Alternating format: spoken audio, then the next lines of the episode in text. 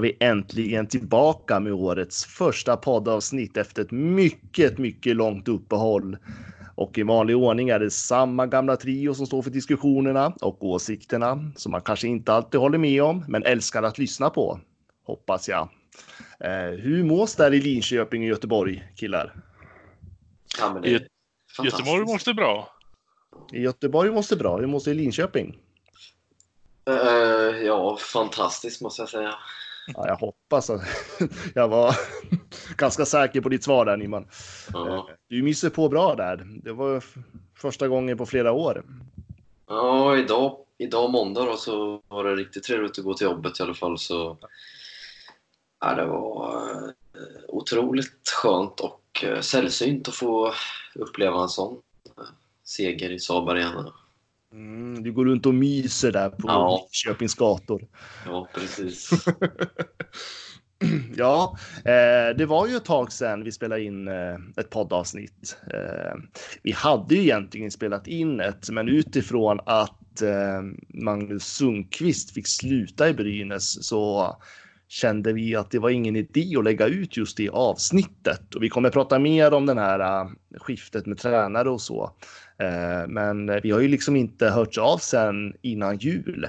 Äh, hur har ni haft det? Och hur är det att vara tillbaka till jobbet?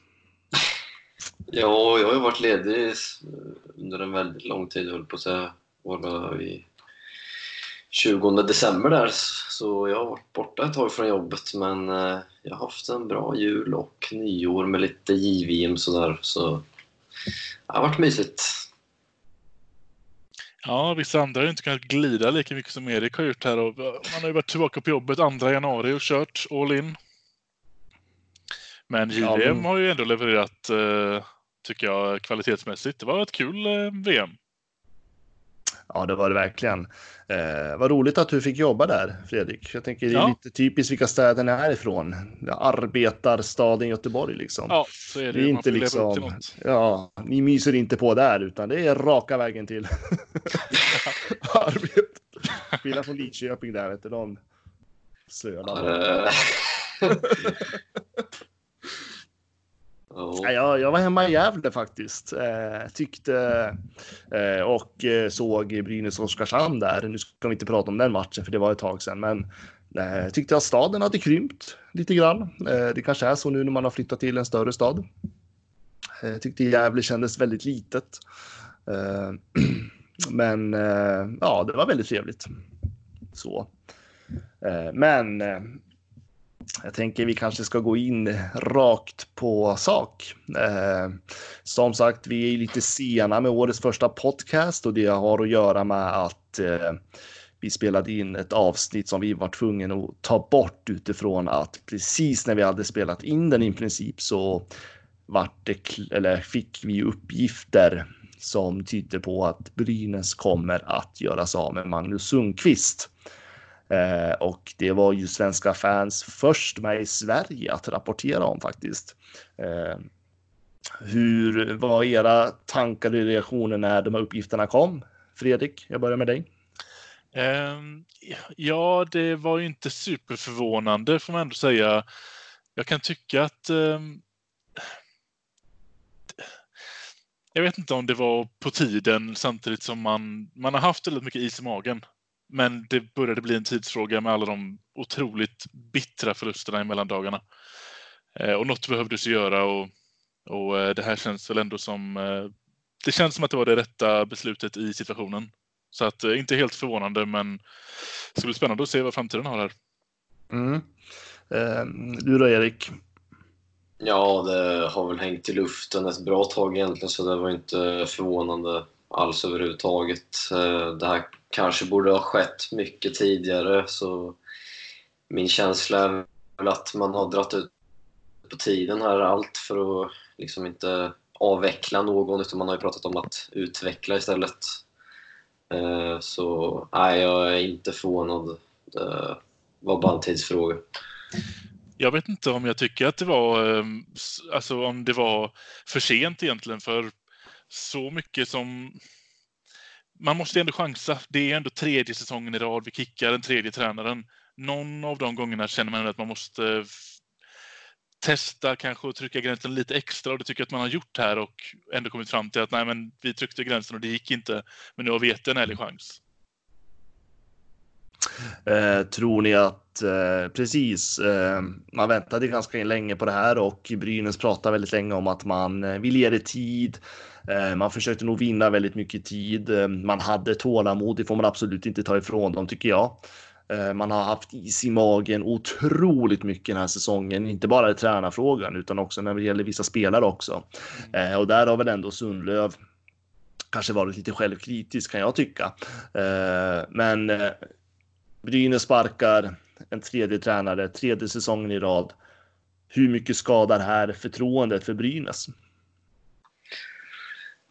Ja, det skadar ju en hel del för eh, nu då när man målade in sig återigen i ett hörn så och man måste rekrytera en ny tränare så liksom vilken tränare vill komma till Brynäs nu efter att man har sparkat tre säsonger i rad? Eh, det är en ganska stor utmaning känns det som att komma till Brynäs i dagsläget. Så känner väl jag lite.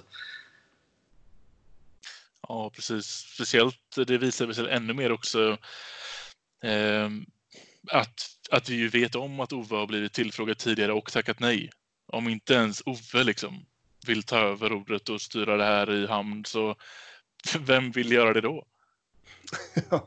ja, eh, Ove Molin verkar ju väldigt nöjd med den här positionen han haft som eh, spelarutvecklare och eh, jag har ju faktiskt själv varit med som hjälptränare i vissa sammanhang. Nu var det här många år sedan eh, när han hade forwardträningar bland juniorer inom Brynäs.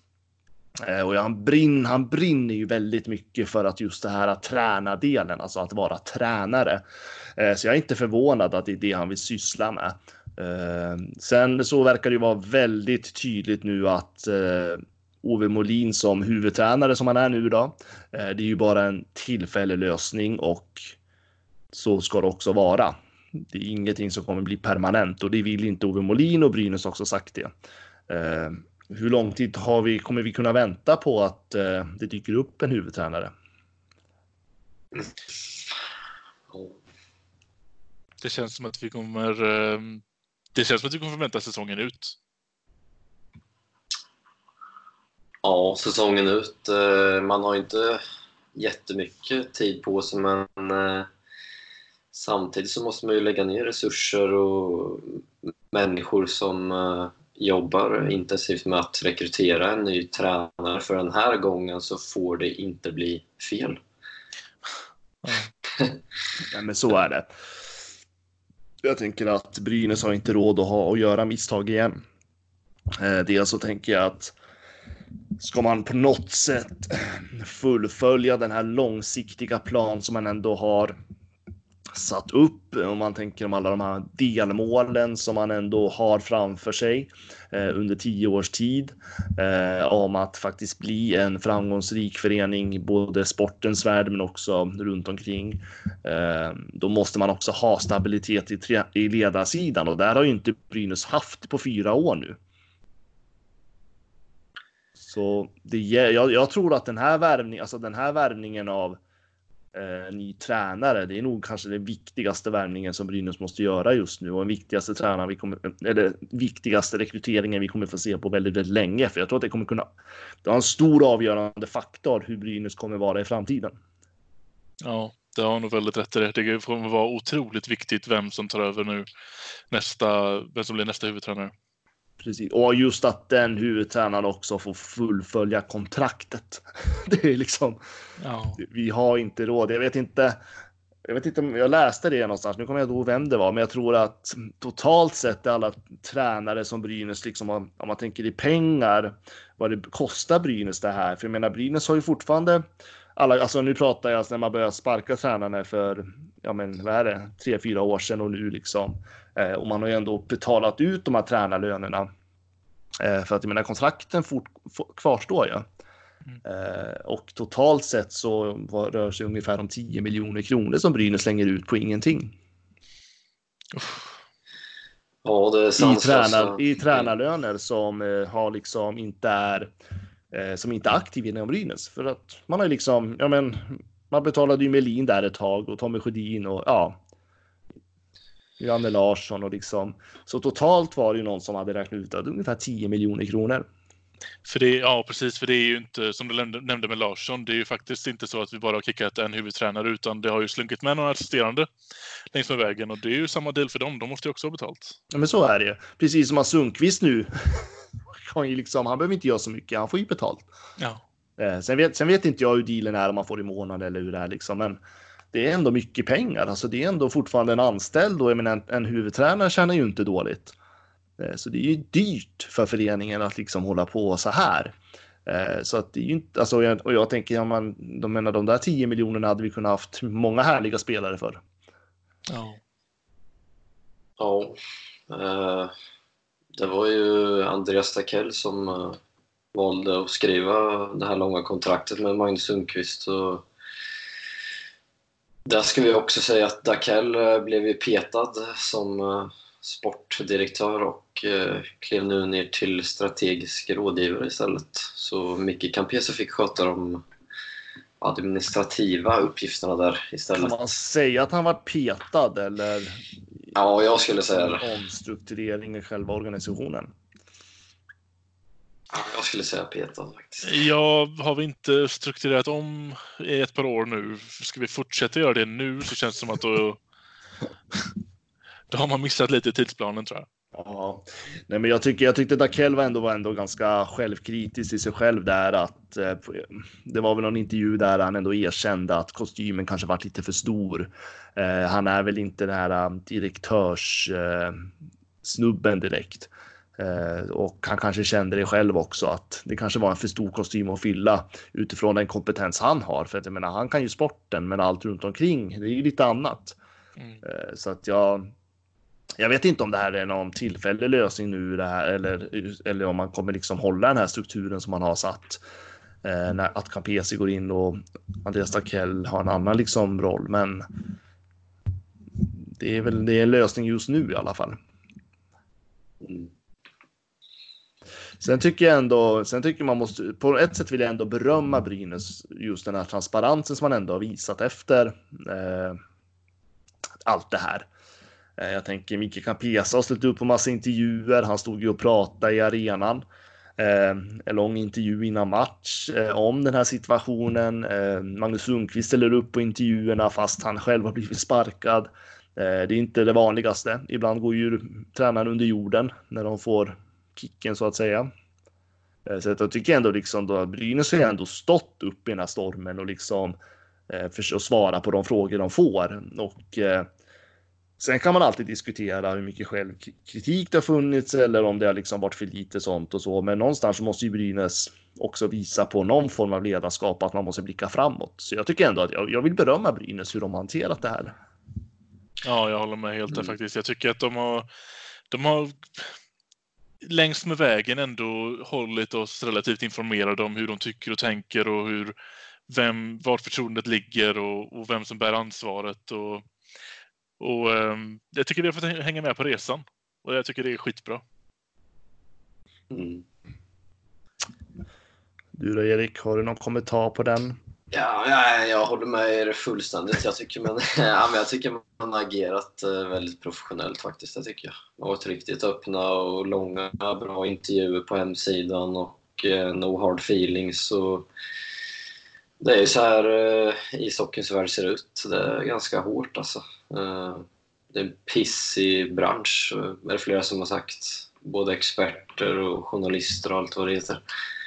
Så Nej, de är kompisar allihopa så det är klart det är jobbigt. Det är väldigt Så jobbigt är att det ju. Alltså, det är ju en ganska, alltså man, de jobbar ju väldigt tätt med varandra och det är klart att man blir kompisar eh, i den där branschen. Det funkar ju lite så. Eh, det är en ganska liten, nu ska jag inte säga en liten bubbla, men det är ändå en ganska, alltså du, du, du rör sig ju inte med så många personer internt liksom. Eh, så det är klart att det blir väldigt tajt och det är klart att det är känslosamt för de som har jobbat nära Sundqvist att det måste gå så här. Eh, jag tror inte att Brynäs ville det överhuvudtaget, för jag tänker man gick ändå ut med en jättelång analys bara någon, veck någon, någon vecka innan eller några dagar innan. Mm. Eh, som i och för sig varit jättekritiserat. Ja. eh, liksom, så att man, för, man försökte ju ändå med Sundqvist in i det sista. Eh, man ville verkligen inte liksom kicka en tränare till. Jag tror att det är det allting handlar om egentligen. Eh, man vill, alltså det ser ju inte bra ut och det är, och det är, och det är lite så här det har sett ut hos tidigare föreningar som i längden har åkt ut serien så att jag vet att man, det är några experter som redan har, eller experter och, och hockeytyckare som redan har liksom satt lite modostämpel på Brynäs. Eh, så att det gäller ju för Brynäs att de måste ju snabbt hitta den här tryggheten och strukturen igen och ja, det är nästa tränare som. Ja, det är lite av ett vägskäl här nu. Ja, men lite så är det. Det är liksom, det är, en, alltså det är otroligt viktigt. Eh, jag tror inte vi, alltså jag har någonsin tyckt att en tränarrekrytering är så viktig som nu faktiskt. Eh, just utifrån den situation som Brynäs har hamnat i. Eh, om man tänker på historiken fyra år bakåt. Sen, mm. ja, sen Bulan försvann, så kan man väl säga. Mm. Det är liksom Brynäs måste tillbaka till den här tiden då man verkligen kunde lita på sina tränare. Då man också höll tränare. För Brynäs var ju ändå, är ju ändå kända, eller var kända, för att liksom kunna ha is i magen och, och ett, ett tag där liksom. Eh, jag tänker både med Niklas Tjerneski och Tommy Jonsson och sen Thomas Berglund så det har ändå funnits en viss stabilitet bland tränare. Ja. Sen värvar vi Melin och sen så blir det bara en tornado. Pannkaka. Ja, en riktig pannkaka. Mm, det vart det. Men eh, det har spelats två matcher efter att eh, det här tränarbytet skedde. Eh, och då är det ju Holmqvist och Molin som är tränarpar. Eh, och vi har spelat mot Rögle och mot Linköping. Det är två raka segrar. Jag tänker vi börjar med Rögle-matchen. Eh, kanske den roligaste match på den här säsongen kan jag nästan tycka. Eh, tanke på hur förvånad jag blev. Eh, någon av er såg hela matchen? Mm. Kommentarer? Jag tycker att um, återigen möter vi Rögle på hemmaplan och de kommer definitivt inte upp i sin kvalitet, som, alltså där de ligger i tabellen, vad vi förväntar oss av ett lag som Rögle. Sen vet jag inte heller hur mycket det var av att Brynäs kunde montera ner dem på något sätt. Um, en sak som jag definitivt har med mig är att nu börjar vi se fler direktskott. Och Rödin börjar skjuta istället för att passa. Och han skjuter på direkt. Det är, det är goda signaler i den matchen tycker jag. Mm, Erik? Eh, ja, det var ju Rögle som inte var i sin bästa form direkt. Det var ju deras eh, målvakt där, eh, Will, som eh, ställde till det ganska ordentligt för bortalaget inledningsvis. Så Brynäs hade ganska mycket flyt i den här matchen, men eh, det var på något sätt befriande att se att puckarna äntligen gick in. Och framförallt då för Anton Rudin. Då. Ja, det studsade ju rätt till slut. Ja. Alltså det, ja. det var liksom eh, äntligen så gick puckarna liksom för Brynäs fördel. Och det kändes som att min upplevelse var ju att det var en helt annan energi i laget. Det var en helt annan stämning i båset. Eh, jag menar, Mikael Holmqvist och Ove Molin kramade ju varandra till och med. Jag tror inte jag sett tränarna i Brynäs den här säsongen ens klappat varandra när det var på. Ja, man såg Så. att det var viktiga mål som slank in där. Man, varje mål såg man att de kände att nu vänder det gött. Ja, ja men det kändes som att det är helt och, och det är klart att när det det var ju en stor omställning och ja, det var fan, jag upplevde ändå som att Krupp, när det var alltså, lite här, äh, om man ska vara lite, ja men när det var så mörk, mörka så gick gruppen samman på något vis. Eh, sen gjorde inte Rögle sin bästa match, absolut inte. De gjorde inte alls en bra match. Eh, sen vet jag inte hur mycket det berodde på eller om det var Brynäs som faktiskt fick ner Rögle. Eh, men just det där var en match som Brynäs behövde. Det var ju som en liten skänk från ovan kändes det som. Ja. Ja, perfekt start där om inte annat för Ove Molin och Mikael Holmqvist. Då. Precis. Får ändå tillägga att Rudins första mål där som är en målvaktstabbe. Eh, Ja, indianer. Ja, han har ju ändå... Det, jag kände att det representerade lite så jäkla många felstuds, så många stolpe ut vi haft. Mm. Sådana mål som Rudin får in där, det är de vi förtjänar att få nu också för att vi har ändå, inte alltid, men många matcher krigat och inte fått någon utdelning av det. Och det är sådana här typer av mål som, eh, som jag tycker att man förtjänar när man har fått eh, jobba för det så länge. Mm. Ja, men det kändes som en det var symboliskt viktig match på något vis. Eh, och det var väl liksom det var det var det var Brynäs tur den här gången. Ja, Det var, det var vår tur att liksom få puckarna med oss. Det var vår tur att få liksom. Ja, men att passningarna satt rätt och liksom. Ja, det var liksom. Nej, det var skönt. Eh, Det var synd att det inte var en stor publik dock. ja just det. Det var synd. Eh, Och det är väl klart att det tror jag man kan räkna med att det kommer inte vara samma fantastiska publiksiffror nu i början heller. Jag tror att eh, man har, många har nog blivit ganska trötta på Brynäs den här säsongen. Eh, Men jag hoppas att det kommer vända i och med att nu att Brynäs kanske börjar. Man har haft en fin publiksiffra och nu börjar kanske Brynäs ha lite poäng också. Jag vet inte hur man, eh, om man har räknat på det, om man kan jämföra med andra matcher under den här perioden, men ska man gå ta ett steg utanför hockeyn, det är fortfarande januari. Ingen som Så har är det fett i kassan just nu. Så är det. Och ska vi gå ännu längre bort så är Gävle inte den socioekonomiskt starkaste regionen heller. Precis. Jag som jobbar i den branschen. Ja, så har Gävle stora problem med den som stad. Men eh, så, så är det ju. Det är januari också. Det är inte alla som kanske har råd att lägga hundra och tusen lappar på hockey just nu. Eh, men då hoppas jag att de sparar sig till februari. I så fall så att eh, Brynäs får den stöd. För jag tänker att nu är det ändå en tid eh, som vi behöver gå samman allihopa egentligen. Eh, Det är ju liksom på något sätt så är vi ändå vi inte Brynäs är inte säkrade på något sätt, så det är ändå slag om både överlevnad men också om den där sista hoppet om att faktiskt nå åttondel. Om det är möjligt liksom. ja men det är det. Ja, men det är ju det, så att det är liksom. Det är lite vad man har i värderingen om man blickar neråt eller uppåt. Det Ja, liksom, precis. eh, och det får väl var och en, tänker jag, gå till sig själv. Så, eh, men sen var det en till match mot Linköping. Eh, jag ska säga att jag missade stora delar av den matchen. Jag hann se det roliga av den matchen. det vill säga att precis när jag satte igång. Ja, men precis när jag satte igång tvn, då vände Brynäs liksom. Så att, men eh, ni som eh, Erik, du var väl där på plats till och med? Ja, jag var på plats uppe på pressläktaren så det var... Ja, första perioden var ju inte det vackraste jag sett i alla fall. Det var ju som två hockeyallsvenska lag ungefär. Eh, Det var otroligt dålig hockey. Brynäs eh, inledde ganska bra de första fem minuterna och sen tappade man lite och Linköping tog över eh, alltjämt. Så De hade, fick in 1-0 där via Brock Little, men sen var det en sekvens där innan jag tänkte på innan det 1-0 målet så fick Marcus Ersson en klubba mellan benen Ja. och eh, ingenting hände. Inte ens utvisning. Nej, han såg ut att ha grina illa i båset också. Jag tittade många gånger på den och tänkte, är det, är det, tyckte domaren att det var någon typ av filmning där eller inte? Men han såg ut att ha riktigt ont. Ja. Eh, nej, Marcus Ersson fick ju väldigt ont då efter den där klubban från Joe Whitney. Och sen var det då jäkligt retligt att LHC fick det där eh, första målet.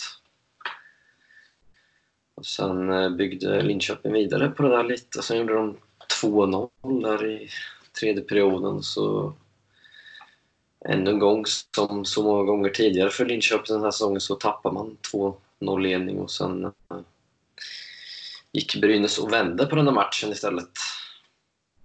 Ja, alltså det kändes ju alltså när man tittar på matchen som att det var ju en väldigt målsnål match väldigt länge. Eh, och jag vet att första minuterna som jag satte igång matchen där på slutet. Nu kan jag, jag kan ju bara tala för slutet av matchen eftersom att det var den biten jag såg så. Jag trodde inte att Brynäs skulle vända. Eh, det kändes inte som eh, man hade liksom den energin den matchen. Men sen hände det ju något. Ja, och jag tycker ändå att det syns lite mer också det vi har saknat hittills i säsongen, att nu är vi i pressat läge. Vi ligger under med 2-0. Det är inte lång tid kvar av matchen. Och de som, de som tar ett steg fram är första femman. Mm. Äntligen. Som de ska göra. Precis. Eh, och det är också någonting jag tycker med här två matcherna som har spelats ändå. Det är ju, det, alltså, missförstå mig rätt nu, men det är rätt spelare som gör målen. Mm. Det är ju de killarna som är liksom här för att göra poäng, som börjar göra poäng nu. Eh, och det är liksom de som visar vägen och jag tycker alltså, man blir lugn av det på något vis. Eh, man vill ju ha den här första kedjan som man vet kan gå in och liksom avgöra. Det ger ju ändå en trygghet. Jag tänker både till fansen men också i laget. Och ja, tränaren kanske känner, och, och, ja men det är ju så att tränaren också känner att med skickar jag ut de här grabbarna så händer det något. Alltså det är ju det där självförtroende man måste hitta och det är det Brynäs bygger upp nu. Precis. Sen kan jag tänka mig att det, är inte, det var kanske inte världens bästa hockey som spelades. Eh, jag menar, det är ju fortfarande samma lag egentligen som vi följer. Eh, bara för att en tränare försvunnit så har inte spelarna. Alltså, det är klart att det kommer ta tid att bygga upp det här. Eh, sen är ju Linköping en förening i fall. Jag skrev en krönika om Linköping på sajten den här veckan. Ja, men eh, de har jättedåligt eh, självförtroende och det märks ute på isen. Eh, det är ganska frustrerat från Bert som försöker ge tydliga direktiv till dem och de gör inte som man säger. Nej. I princip. Nej, jag tror ju att Oskarshamn kommer att gå om Linköping faktiskt. Oj, tror du det? Ja, jag, eh, jag, men alltså jag har inga höga förhoppningar på Linköping. Nu ska vi inte prata Linköping i den här podden, men eftersom att jag, jag följer ju alla lag på den här sajten så, eh, så känner jag så. Intressant. Mm. Leksand då? Leksand tror jag kommer få kvala. De är för under isen. Mm. Men jag tror Linköping, de tappar det på något vis. Mm. Jag tror det. Oh. Och hör ni nu att jag inte nämner Brynäs i kval? Ja, precis. tycker jag är viktigt att poängtera. Nej, men jag tror det kommer stå mellan Oskarshamn, Leksand och Linköping på, där nere. Brynäs tror jag kommer klara sig. Det som Brynäs måste försöka det är att inte hamna i ingenmansland och det kommer bli en tuff resa. Ja. Ja, eh, jag skulle vilja tillägga en sak i den här matchen som är ganska intressant. Mm. Eh, jag befann mig som sagt uppe på pressläktaren och jag hade ju ganska fint sällskap i form av Dakell och sen var det målvaktstränare Robin Danielsson som var en, även Sundlöv där uppe stod ju eh, inte så långt ifrån mig. Men eh, Dakell sitter ju numera med öronsnäcka då eh, i örat och kommunicerar ner till Ove och Mikael.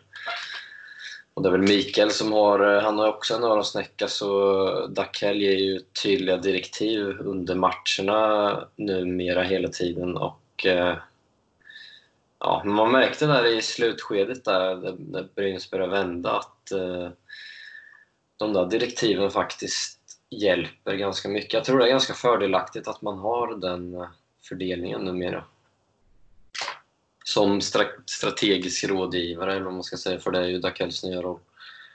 Så det var ganska intressant att ja, dels höra och se faktiskt att det sker ute på isen. Ja, nej, men det var ju, du hamnade i en jättebra position där eh, på presslistan. Ja. du, du la ju upp någon bild där på Twitter också. Ja, det var ju liksom, du fick ju liksom en eh, porträtt av Lakell. Ja, alla var glada där uppe. Alla, alla var glada. Alla ler nu. Ja, men det är skönt. Ja, men, ja. Det är, men det kanske är den här positionen han ska ha. Ja, precis som vi snackade om innan, att han, han kanske inte är direktörskillen. Han, är, han, är, han, han lever fortfarande sporten lite för mycket än affärsmannen. Ja, så ta nytta väl, av att han fortfarande kan sporten så ja. väl. Och det är väl egentligen det som Micke Capese har liksom sagt hela tiden efter de har kickat Sundlöv, att det är så de ska utnyttja honom. Eh, och Dackel verkar ju känna själv att det är en roll som passar honom så att eh, så länge det funkar, kör på. Mm. Mm. Så. Eh, något jättetråkig nyhet. Eh, en av kanske de backar som jag tycker är härligast att se nästan. Det är Lukas Kihlström. Eh, skadad. Eh, det var väl en hjärnskakning som han åkte på där. Mot Linköping. Eh, det var inte vad jag uppfattar som. Det var inte så många som såg den här händelsen. Nej, jag är väldigt förvånad över att han är borta. Nej, jag märkte faktiskt inte av det. Jag hade fokus på något annat just då, tror jag. Men eh, han klev ut där i slutskedet på andra perioden. Eh, Kihlström är ju ändå, tycker jag i alla fall, en, eh, en av Brynäs skickligare defensiva backar. Eh, som jag tycker att eh, då och då så kan han glänsa lite i, det- i, det- i sitt spel. Eh, vad har det här för betydelse av Brynäs? Som ändå har en ganska relativt svag backuppsättning om man får säga så. Vi tappar ju en av de mest fysiska backarna vi har i försvarszon. Så är det. Ja, det är ju en av de tongivande pjäserna där bak. Alltså, det är, jätte, det är en jättetung förlust här nu. Dubbel hjärntrappa Slangero också. Han är ju borta ett tag då Ja. alltså. Dubbelt så länge. Han har ju åkt på hjärnskakning tidigare så att eh, man blir ju lite orolig eh, hur det står till med honom faktiskt. Eh, alltså det där med hjärnskakningar, det vet ju alla som följer den här sporten att det är aldrig en garanti att liksom man blir helt bra efteråt. Nej. Eh, så att ja, jag, blir, jag blir lite orolig när, för att det är inte första gången. Eh, och sådana spelare brukar ju till slut ge upp så att säga. Eller tvingas att ge upp. Eh, Ja, eller komma tillbaka och ta väldigt lång tid på sig kanske innan de vågar köra all in i alla situationer. Som, för de, mm, det ligger någonting undermedvetet att de kanske inte vågar eller vill. Precis. Eh, jag tänker bland annat Granström vart ju lite så för. Eh, Jonathan Granström, han kom ju tillbaka ett tag och var inte alls samma typ av spelare. Nej. Eh, han var inte alls den samma fysiska spelaren. Eh, nej, det var väldigt tråkigt för jag satt och tittade. Vi ska inte, vi ska inte prata om det nu, det jag tänker det kan vi ta närmare våren. Men jag satt och tittade vilka spelare vars kontrakt går ur den här säsongen. Eh, Kihlström är ju en av de spelare som faktiskt kontraktet går ut efter den här säsongen. Och det är väl en av de väldigt eh, få backar som jag tycker att Brynäs borde förlänga med. Eh, men jag, så jag hoppas ju verkligen att han kommer tillbaka i ett bra, liksom, bra, god hälsa. Ja, verkligen. Ja, för i fjol när han åkte på, han åkte på hjärnskakning i, i samma skede som nu i januari då, förra året. Då blev det ju säsongen ut. I värsta Mm. fall kan det bli likadant nu också. Ja. Ja, och det är det jag menar. Alltså, det är ju liksom att åka på hjärnskakning. Det är klart att det är ju större risk att du åker på en ny hjärnskakning har åkt på en, men. Ja, jag blir nervös av det. Jag. Eh, vill verkligen inte att han ska tvingas liksom. Eh, byta spelsätt eller lägga skridskorna på hyllan. Nu är vi inte där än, men man har ju den här oron i alla fall utifrån att man det är inte första spelaren i Brynäs som åker på hjärnskakning om man säger så. Nej. Eh, Och det är en viktig back. Så att. Ja, vi får ju se där. Ja, det är väldigt eh, det är lite oroande faktiskt. Ehm, Men jag- när vi ändå pratar om tänker- backar. Nej, säg Mm. du först. Nej, men jag tänkte också att eh, i och med att hans kontrakt går ut nu att hur mycket kommer Brynäs väga in den här uh, hjärnskadan liksom? Det är klart, man kommer ju följa upp det liksom, men för att det är ju ändå, ska man förlänga med honom måste man ju ändå göra någon risk och riskanalys av det där. Ja, titta dock på backuppsättningen vi har idag och utifrån vad Kihlström faktiskt bidrar med så tycker jag att göra riskbedömning men, men den behöver inte spela så stor roll. Vi behöver ha kvar Kihlström. Mm. Erik, har Ja. något att tillägga? Ja, jag är inne på att man eh, kanske ska värva en back nu eller eh, låna in en back till och med. Eh, men det beror ju på här och man får väl avvakta och se hur det går. Men eh, jag tror nog det förs diskussioner om att värva en kanske. Mm. Ja, ska vi värva? Brynäs har ju några backar på utlåning, men jag vet inte riktigt hur det är med avtalen där. Nej, och frågan är också där. Um, det vi tappar är ju en defensivt tung fysisk pjäs som kanske inte levererar supermycket framåt. Och det är väl egentligen de backarna som vi förväntade oss ska leverera framåt som vi har lånat ut nu. Så Då tänker jag mest på, um, på han som jag precis glömde namnet på. Eh, Lindelöf. Exakt. Han var ju inte alls likadan i, i defensiv zon. Så ska vi plocka tillbaka honom så får vi ju strukturera om i försvaret. Så är det och jag tänker han som vi tar Lindelöf där ändå som vi lånat ut. Jag tycker inte att han håller någon hög nivå heller för SHL. Eh, så att det är klart oavsett så blir backbeståndet försvagat av Brynäs och jag tvivlar ju på att man kan hitta något på marknaden om man tänker om vi ska hitta en tung defensiv pjäs just nu. Eh, Sådana backar brukar ju lagen gärna hålla lite hårt om. Mm, Om de inte har för många av den typen då, men precis. det vet jag liksom inte hur det ser ut. Så det är klart, ja, ja, jag tror att Brynäs backbestånd kommer ju försvagas och den är ju redan tunn. Den är otroligt tunn och den är ju liksom inte alls lika stark som den har varit tidigare säsonger. Eh, det är ju lite av Brynäs akilleshäl, den där backsidan. Mm. Eh, och det är klart att blir det förändringar där och det inte platsar, då blir det jobbigare för målvakterna. Det blir liksom. Alltså det är ja. Det blir en liten knut att lösa upp där för Brynäs. Ja, det blir intressant att se. liksom- Mm. Ja, frågan är liksom hur de kommer agera. Vi har ju liksom inte hört någonting om det där än. Nej, man har varit ganska tyst. Jag har inte läst något så mycket. Det har surrats lite om eh, backar, men det kanske har varit mest inför nästa säsong. Men Ja, det. surrades väl lite om eh, Lukas Karlsson där, tror jag. Som håller till i AHL. Bland annat. Sen, Ja, den eh, kan ju vara intressant att kika Ja. på i framtiden. En ganska offensiv back faktiskt. Mm. Eh, Men det kanske är mer inför nästa säsong. Skulle kunna vara någon typ av eh, komplement för att vi antagligen lär tappa Söderström igen nästa säsong. Ja, det kommer vi göra. Eh, Daniel Sandström, eh, Gävle Dagblad, tycker att Brynäs ska kika på Simon Bertilsson. Jaså? För att hans KL-lag håller nämligen på att missa slutspel. Eh, och istället för att Bertilsson då bara ska träna så, ty så tycker han att Brynäs kanske ska kolla om det går att låna. Mm. Jag läste det med faktiskt. Eh, Det är ju en intressant tanke faktiskt. Och då menar, ju, då menar ju då Sandström på att eh, det kanske går att liksom låna Bertilsson nu på slutet. Mm. Så det hade varit tufft. Annars är det ju, nu försvann namnet här, Josef Ingman, säger jag rätt nu? Mm. Jo, Eh, Som också finns tillgänglig. Hur tillgänglig Eh. är han då? Han har inte varit med de senaste matcherna. Nej, enligt uh, Mittmedia så kan han vara tillgänglig redan på torsdag. Ja. Så att han verkar kunna, vara, han kunna, kunna hoppa in väldigt snabbt.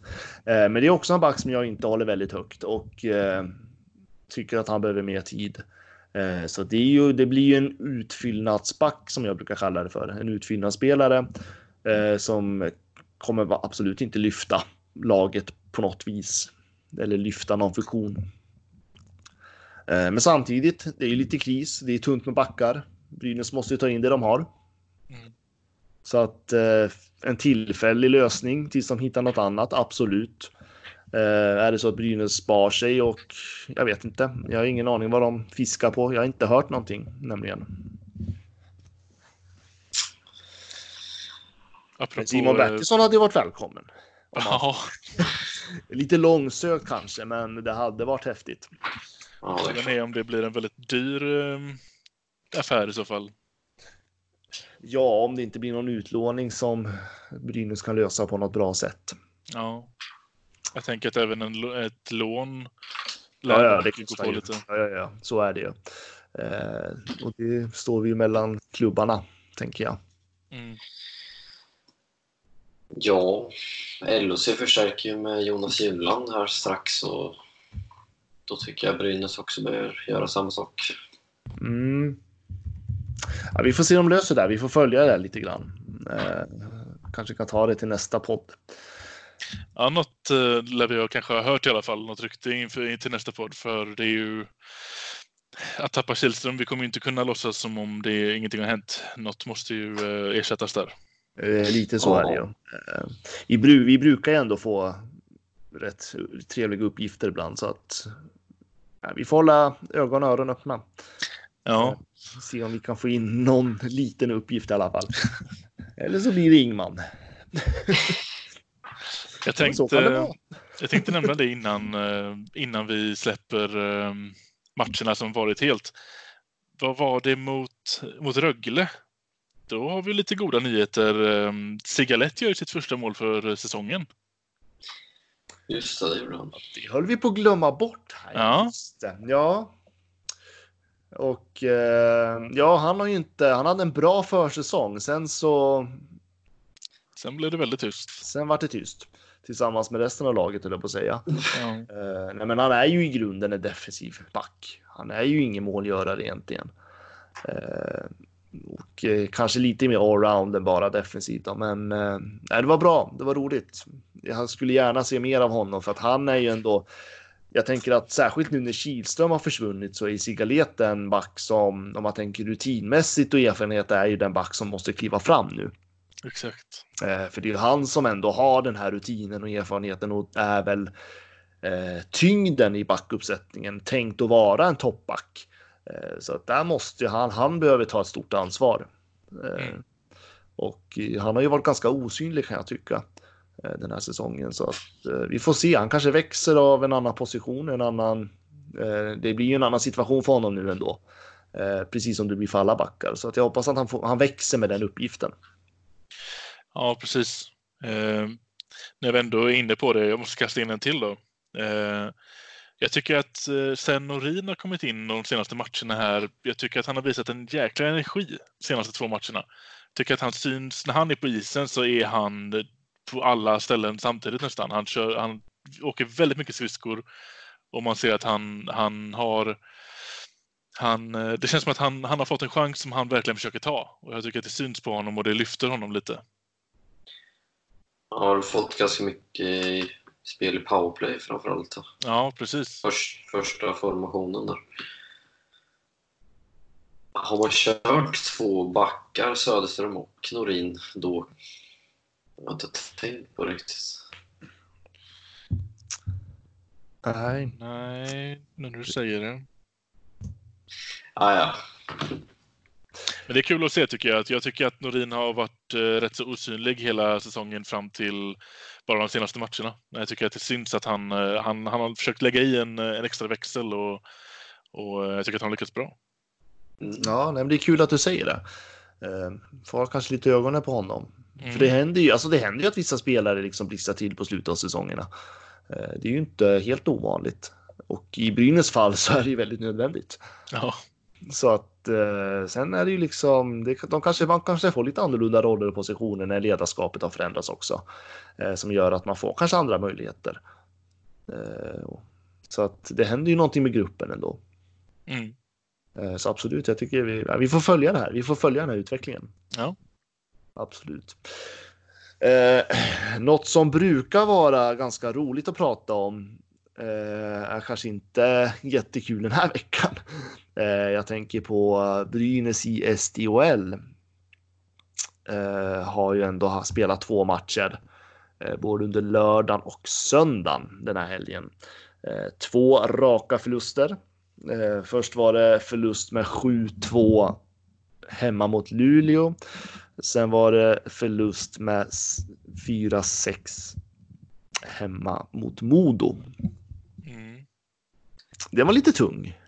Ja, jag, ehm, jag såg inte den senare av de två matcherna, men, men det kändes som att de var någonting på spåren där. De höll nästan på att komma ikapp igen i, eh, mot Modo. Eh, de gav inte upp, märkte man. De, de kramade in två mål där sista, sista minuterna, Mm. eh, vilket hade kunnat leda till någonting större. Var det någon spelare som saknades där? Jag missade. Alltså jag hade lite, för jag tänker Modo är ju liksom inget. eh, De har haft en väldigt tuff säsong. Eh, Man är ju lite kaxig nu med Brynäs i eh, i och med att det har gått så bra för Brynäs damlag. Så att jag tänkte ju att Mo, alltså Luleå kan jag förstå, kanske inte de där siffrorna, men Modo vart jag ändå lite förvånad över. Ja. Var det, någon, var det någon spelare som saknades där? Vet faktiskt inte. Nej, nej, inte vad jag vet faktiskt. Mer att det var en målrik match som det brukar vara i damernas matcher. Ja.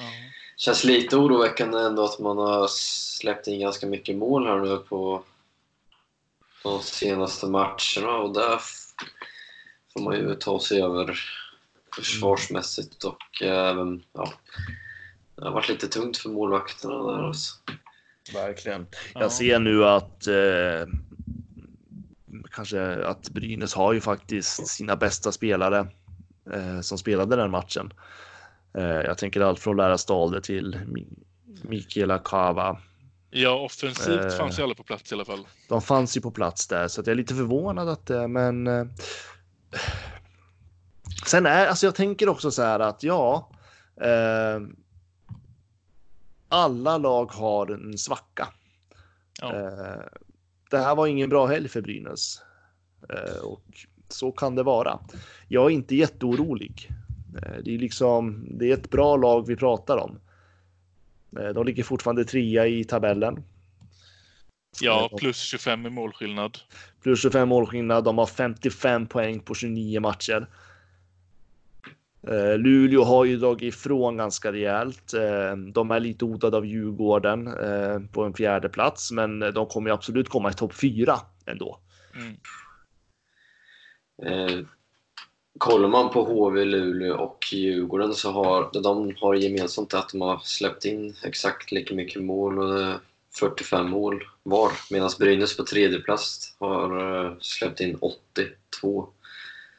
Eh, det är inte så jäkla trevligt kanske. Det är det Nej. som är lite oroväckande där. Precis, man får ju faktiskt gå ner ända ner till eh, sjunde plats för att hitta något lag som släppt in fler mål än Brynäs som ändå ligger trea. Men de har ju liksom Brynäs lever ju på sin offensiv. Eh, De har ju fantastiska, men det är som ni säger, det brister ju försvarsspelet. Eh, Och det gör väl lite grann att, och det är ju faktiskt Brynäs svaghet den här säsongen, att när de här stjärnorna inte har en bra dag, då är det tufft. Mm. Eh, Så, Samtidigt, samtidigt som att vi gör ändå fyra mål mot Modo. ja, men vi släpper in Förlorar. sex mål. Ja, men precis. Det är ju det. Hade, det- hade försvarsspelet kunnat, eh, kunnat stå emot lite till, det, det behöver inte vara mycket som Mm. skiljer, så skulle vi lika gärna ha vunnit en trepoängare där. Så är det. Eh, Men sen eh, tycker jag väl Brynäs har ju inte den starkaste målvaktsparet heller. Eh, Nej. Så att, och det är ju, de är ändå en del i försvaret. Så att, och det, tyck, det tyckte jag väl ändå lite innan säsongen att eh, jag tycker Ellen Jonsson har ju varit med ett tag. Eh, hon är ju inte toppmålvakt. Eh, bra för att absolut hålla hon SDHL-nivå. Eh, Ågren, är, hon har liksom hon var andra målvakt tror jag tidigare lag.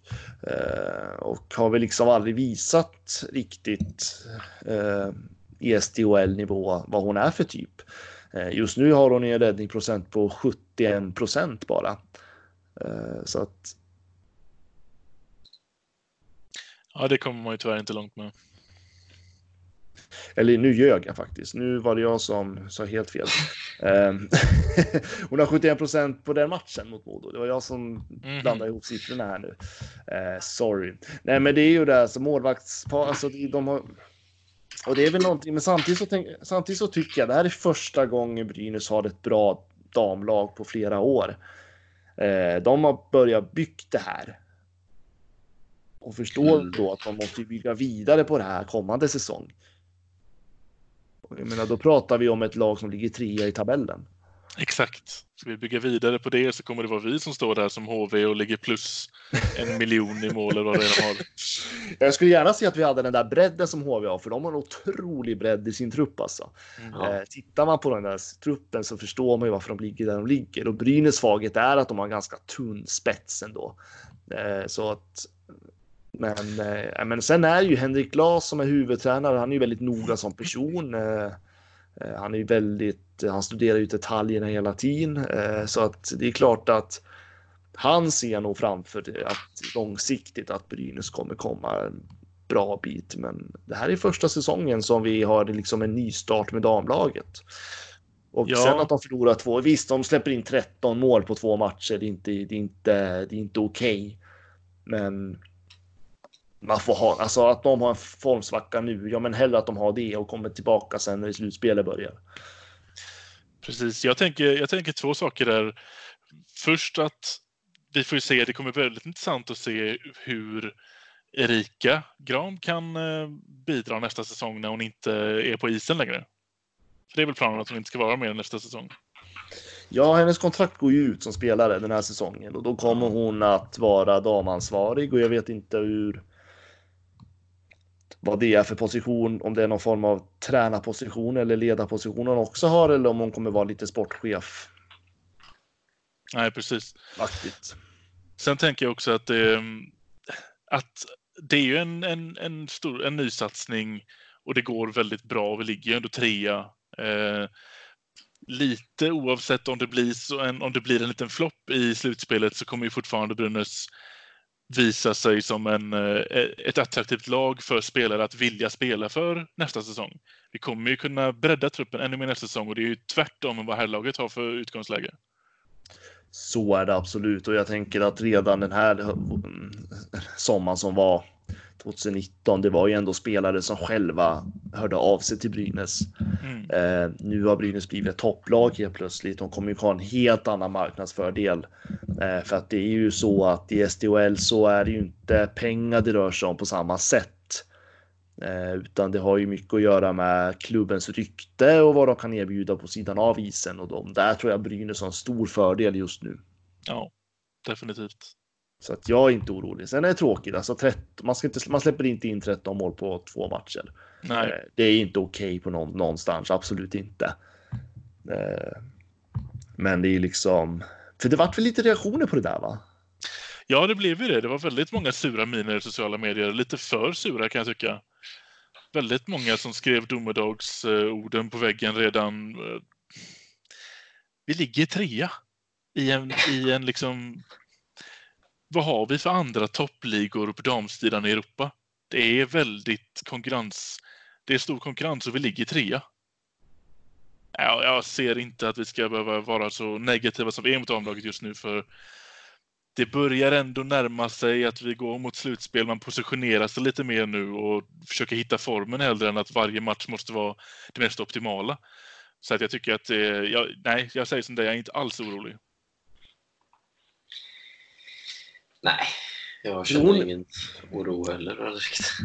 Tror ni att, eh, jag tänker att det är ju ändå en eh, stor oro över här laget har varit och det har varit mycket liksom media och det har varit eh, Alltså jag tänker den här känslan för Brynäs, alltså när man är Brynäs supporter och Brynäs fan, det har ju ändå varit en jobbtung säsong och så jag menar Tror ni att det spiller över lite grann på damlaget när de helt plötsligt förlorar en match eller två? Att liksom, jag tänker de här känslorna för Brynäs på något sätt. Eh, att folk blir, att de har reagerat så kraftigt. Det känns så.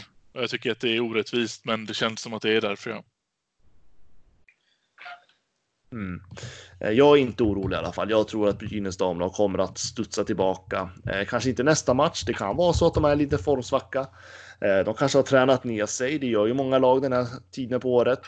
Eh, för att sedan komma tillbaka. Eh, jag har ingen aning. Jag vet inte alls hur de har lagt upp träning och schema och sådär, men ja, Det är ju Gävle-Dala-derby nästa match. jag tänkte Leksand. precis säga det. Det är ju Ja, jag snodde det. Hatmöte. Fan också. precis. Ja, den är faktiskt på hemmaplan i Gävle. Ja, Brynäs-Leksand den fredag den 17 januari. Eh, Då tycker jag att det hade, hade varit lite häftigt om supporterna skulle kunna komma på plats. Jag tycker faktiskt eh, spontant här att det är lite, eller kanske jag som har missat, men det är lite tråkigt att Brynäs inte kör någon match där man verkligen satsar på att få en stor publik till damerna. Nej, precis. Jag minns det från förra säsongen. Där gjorde man det en, det en del när det var två hemmamatcher samtidigt. Och man Mm. taggade upp inför dammatchen först och sen kom herrlaget in och spelade kvällsmatchen. Men inte hört något liknande den här säsongen hittills. Nej, och jag tänker just mot Leksand hade det ju varit lite kul om att de ändå liksom försökte göra sånt där. Eh, Men de har liksom inte gjort någon sån där satsning. Det är liksom... Nej. Nej, det tycker jag är dåligt. Ja, men det är det. Ja, men liksom att man gör en enskild, alltså inte, det får inte vara någon superduper hockey night variant. Det var det värsta Nej. man tala var med om. Eh, och liksom samma med herrmatchen, utan att man gör en enskild stort event för damerna liksom. Att ta vara på att det går bra för dem. Ja, jag menar deras match, deras tid liksom, att det bara är fokus på damlaget. Mm. En sån satsning skulle jag vilja göra, för mina andra klubbar jag har gjort det. Så att eh, där, där tycker jag Brynäs får bättra sig. Eh, Så är det någon i Brynäs ledning som lyssnar på det här så fixa en stor match till damerna. Punkt. Lös det bara. De om någon förtjänar ju det. Och jag tror nog att supporterklubbarna skulle tycka det var kul. Ja, absolut. Det är lite En den känslan jag har. utmaning. Ja, lite utmaning. maning. Mm. Så. Jag har något mer att tillägga? Ja, Ja, eh, potentiella tränare för Brynäs nu när man har gjort sig av med Sundqvist. Jag mm. tänkte jag skulle ha kommit in på det tidigare, men eh, vi gled ifrån lite kanske.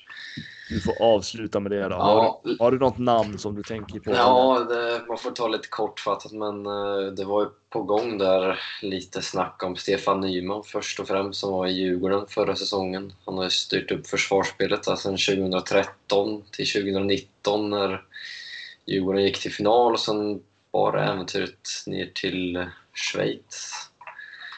Och där fick han sparken för inte så länge sedan, ett par veckor sedan, så det är ju ett bra alternativ som en assisterande i alla fall till Brynäs. Jag vet inte om man jobbar med eller har dialog med honom just nu. Sen har det skrivits om eh, Modos Björn Hellkvist. Det har varit ett favoritnamn för mig i alla fall. Med tanke på hur långsiktigt han jobbar och så blev det klart idag, måndag, att eh, Hellkvist stannat tre säsonger till då i Modo. Så det var lite käftsmäll där kanske till alla brynäsare som hoppas på Hellkvist. Eh, sen står det väl still. Det har väl pratats lite om Hans Wallson.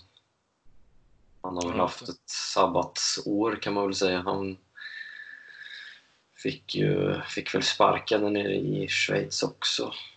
Eh, så han har varit utanför radarn lite. Han har tagit det lugnt i ett år. Så jag vet faktiskt inte vad Brynäs tänker nu med tränare faktiskt. Har ni några förslag? Eller tankar? Faktiskt inte, inte just nu i alla fall. Eh, jag har, jag har faktiskt inte satt mig ner och tittat på vilka. Eh, dels så tycker jag man ska titta på om det är någon SHL-tränare aktuell idag som vars kontrakt kanske går ut den här säsongen eh, eller de som är lediga. Eh, men jag har faktiskt jag har inte suttit, och- jag har inte suttit och kollat på det där än, så jag vill inte säga något. Eh, men jag följer de rykten som går i alla fall. Mm, jag är nog på samma nivå där. Jag har dålig koll på tränare i allmänhet. Ehm, Så nej, jag, jag hänger mest med på de ryktena som, som går och håller tummarna för att någon, det ploppar upp något riktigt guldkorn. Men vad, tyck, men vad säger ni om Bert Robertsson då? Han kanske får sparken av Linköping snart. Ja, Nej, jag, tar, jag Jo. tolkar era reaktion där på att inte riktigt önskvärt. Nej, jag vet inte faktiskt.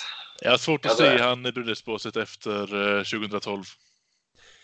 Jag tror inte att han är den typ av tränare om jag ska vara ärlig. Eh, inte om man ska tänka långsiktigt.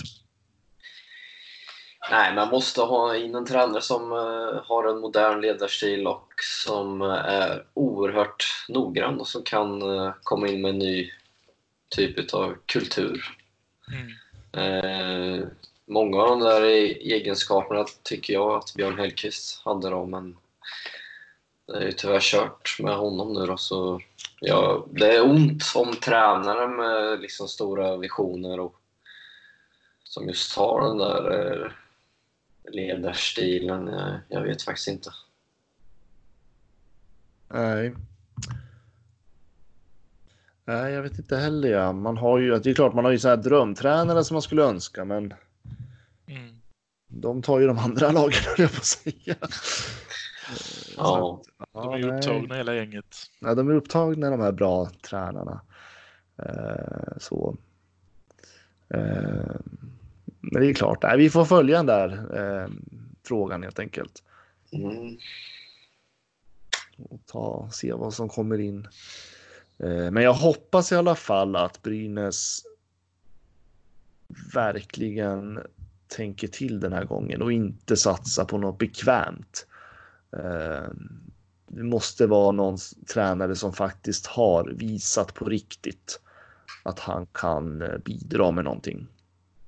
Och då menar jag igen- egentligen inte bara alltså i lägre nivåer, utan jag skulle vilja se en som faktiskt har varit ledare för ett lag som har haft stora framgångar under en längre tid på en hög nivå. Precis. Eh, sen vet jag inte om det är sådana tränare som finns tillgängliga eller som vill till Brynäs, för det är inte säkert. Eh, så att eh, det beror ju på vad Brynäs har för förutsättningar naturligtvis. Men jag tycker, jag tycker vi ska ha tålamod med den här rekryteringen. ja, för nu måste det bli rätt. Blir det inte rätt nu, då kanske vi spelar i Hockeyallsvenskan om två till tre säsonger. Det vet man inte. Så viktig är den. Jag tror den är så jäkla viktig alltså. Mm. Där har vi Nymas domedagsprofetia. Mm. Känn på den ni. Ja, nej, där, vill, där ska vi inte hamna. Absolut inte. Eh, nej, men jag, eh, jag tror att vi kommer lösa det på något vis. Jag är positiv till framtiden Ja, ändå. Det löser sig. det, lös, det ordnar sig grabbar. Det är lugnt. Men då så, då har vi gått igenom det och eh, då hoppas vi på att Brynäs fortsätter i vinnarspåret. Det är tuffa möten som väntar. Det är Brynäs Färjestad torsdag den 16 januari och sen är det borta mot Skellefteå på lördagen den 18. Eh, Men eh, vi kommer ju tillbaka och då kan vi prata om de matcherna som varit. Tack för att ni har lyssnat.